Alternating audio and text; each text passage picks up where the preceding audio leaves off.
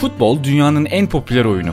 Özellikle ilk bulunduğu zamanlarda oyunun oynanış şeklini, oynayanların nasıl kişiler olduğunu bu zamana kadar merak etmediyseniz de Netflix'in geçtiğimiz aylarda yayınladığı The English Game dizisini seyrettiyseniz döneme dair bir merakınız ve fikriniz oluşmuş olabilir.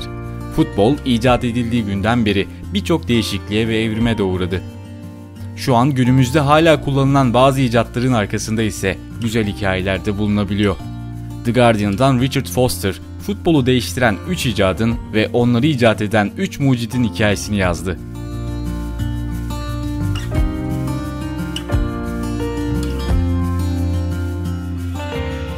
Kale ağları, tekmelikler ve teknik ekibin bulunduğu kulübeler şu an futbolun sadece birer malzemesi olabilir. Ama zamanında onlar da radikal icatlardı. Bir topun ağları sarsmasından daha estetik gözüken çok az manzara vardır. Kale ağları gol atma sanatına fazladan bir boyut katar. İster ceza sahası dışından görkemli bir şut olsun, ister ceza sahası içinde usta bir bitiricilikle atılan bir gol olsun. Ağlar golü süslüyor. Liverpool'lu bir mühendisin yaratıcılığı ve öngörüsü olmasaydı dalgalanan kale ağlarının zevkini yaşayamayabilirdik. 1863 yılında FA tarafından yayınlanan ilk kurallar dizisinde kale direklerinin arasının 7.32 metre olması gerektiği şart koşulmuştu. Kale ağları 20-30 küsür yıl sonra İngiltere'nin ilk çevre yolunu tasarlayan Liverpool'lu bir mühendis olan John Alexander Brody sayesinde futbola geldi. Everton taraftarı olan Brody, Ekim 1889'da takımının maçını izlemeye Anfield'daki Accrington Stanley'e gelmişti. Everton takımı bir gol attığını ve bu golle maçı kazandığını düşündü ancak sahadaki hiç kimse topun kale direkleri arasından geçip geçmediğine emin olamadı. Bu yüzden de berabere kaldılar. Brady o maçta o kadar üzülmüştü ki buna bir çözüm aramaya çalıştı. Maçtan sonra maçın oynandığı alandan elleri cebinde uzaklaşırken topun kaleyi geçtikten sonra gidebileceği bir cep yapma fikrine kapıldı. Brody o günden sonra çeşitli tasarımlar üzerinde çalıştı. Devrimci fikirlerinden biri ise top değdiğinde titreyecek ağları koymaktı. Bu belki de gol çizgisi teknolojisinin erken bir prototipiydi. Ertesi yıl kendisine patent verildi ve kale ağları ilk kez Nottingham'da oynanan bir futbol maçında denendi. Tarihte ağlara çarpan ilk golün bir Everton oyuncusu olan Fred Gary tarafından atılması da Brody'yi ayrıca memnun etmiş ve mutlu etmiş olmalıdır. O maçın hakemi ise daha sonraki yıllarda tekmelikleri futbola getiren kişiydi. Bir yıl içinde ise kale ağları FA kurallarına dahil edildi. 1891 FA Cup finalinde ilk kez kullanılan kale ağları sonraki sezonun başında ise zorunlu hale getirildi. Etkileyici mühendislik yetenekleri arasında kale ağları Brody'nin gururu ve sevinci oldu.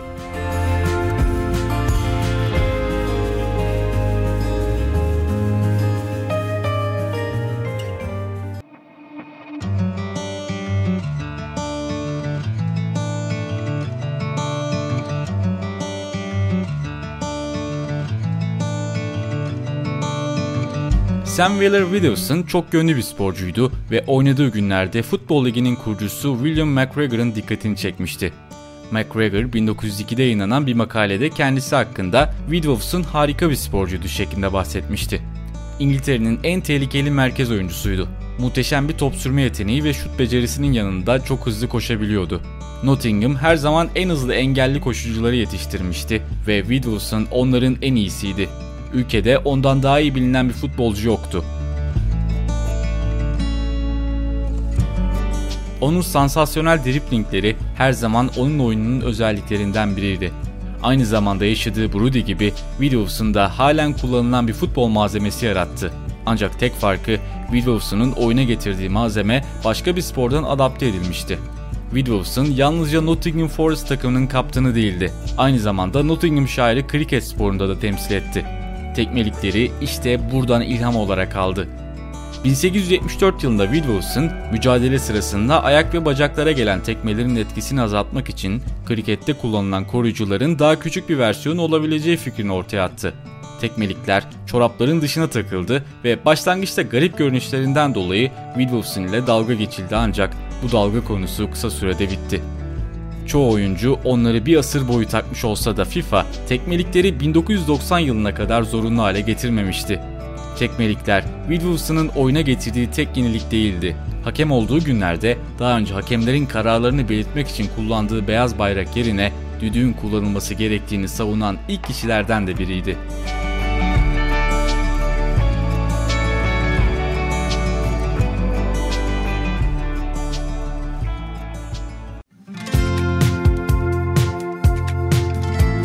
Erken futbol mucitleri listesine eklenmesi gereken bir diğer isim orijinal soyadı Cunningham olan Donald Coleman'dır.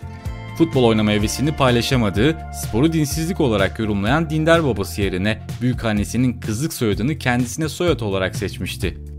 Coleman'ın çok uzun ve çeşitli bir kariyeri olmuştu. 27 yaşında Motherwell kulübü ile profesyonel olmadan önce Glasgow Petershire takımında amatör olarak futbola başlamıştı. 2 yıl sonra ise kariyerinin çoğunu geçirdiği Aberdeen'e gitti. Orada takıma kaptanlık yaptı ve 4 şampiyonluk kazandı. 47 yaşında hala Dumbarton'da futbol oynamaya devam etti ancak o dönemde aklını teknik direktörlüğe vermeye başlamıştı. Onun teknik direktörlük felsefesi zamanının çok ötesindeydi. Coleman, pozisyon almayı merkezine yerleştirdiği, birbirini alan yaratan oyuncularla tiki takanın öncüsü olarak kabul edebilecek bir futbol anlayışında ısrar etti. Futbol hakkında derin düşünceleri olan Coleman, İngiltere'nin dışında teknik direktörlük hakkında daha fazla bilgi edinmek istiyordu.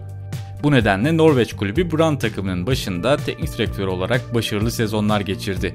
Yedek kulübesi fikri ise Norveç'te teknik direktörlük yaptığı zamanlarda gelmişti. İskandinavya'dayken Coleman, teknik direktörlerin sahanın hemen yanında yer alan üstü açık bölgeden futbolculara mesajlar gönderdiğini fark etti.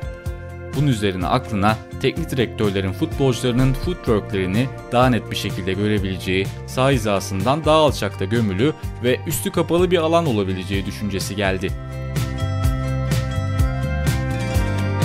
1931 yılında Coleman, Aberdeen'e teknik direktör olarak geri döndüğünde üstü kapalı yedek kulübesi ilk defa Aberdeen'in sahası olan Pit Rodri'de görüldü.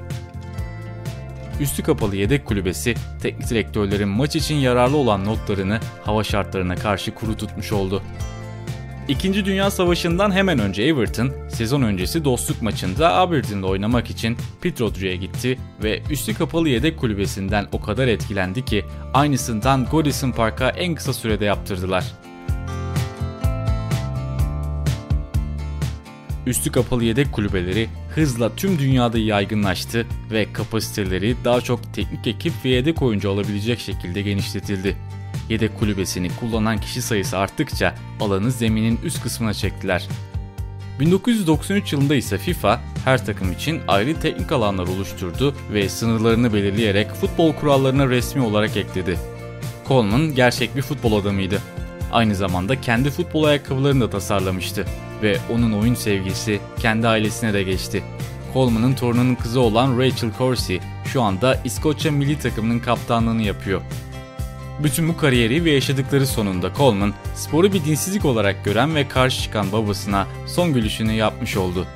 Futbolu daha güzel hale getirip bizler için bir tutkuya dönüştüren bütün mucitlere selam olsun.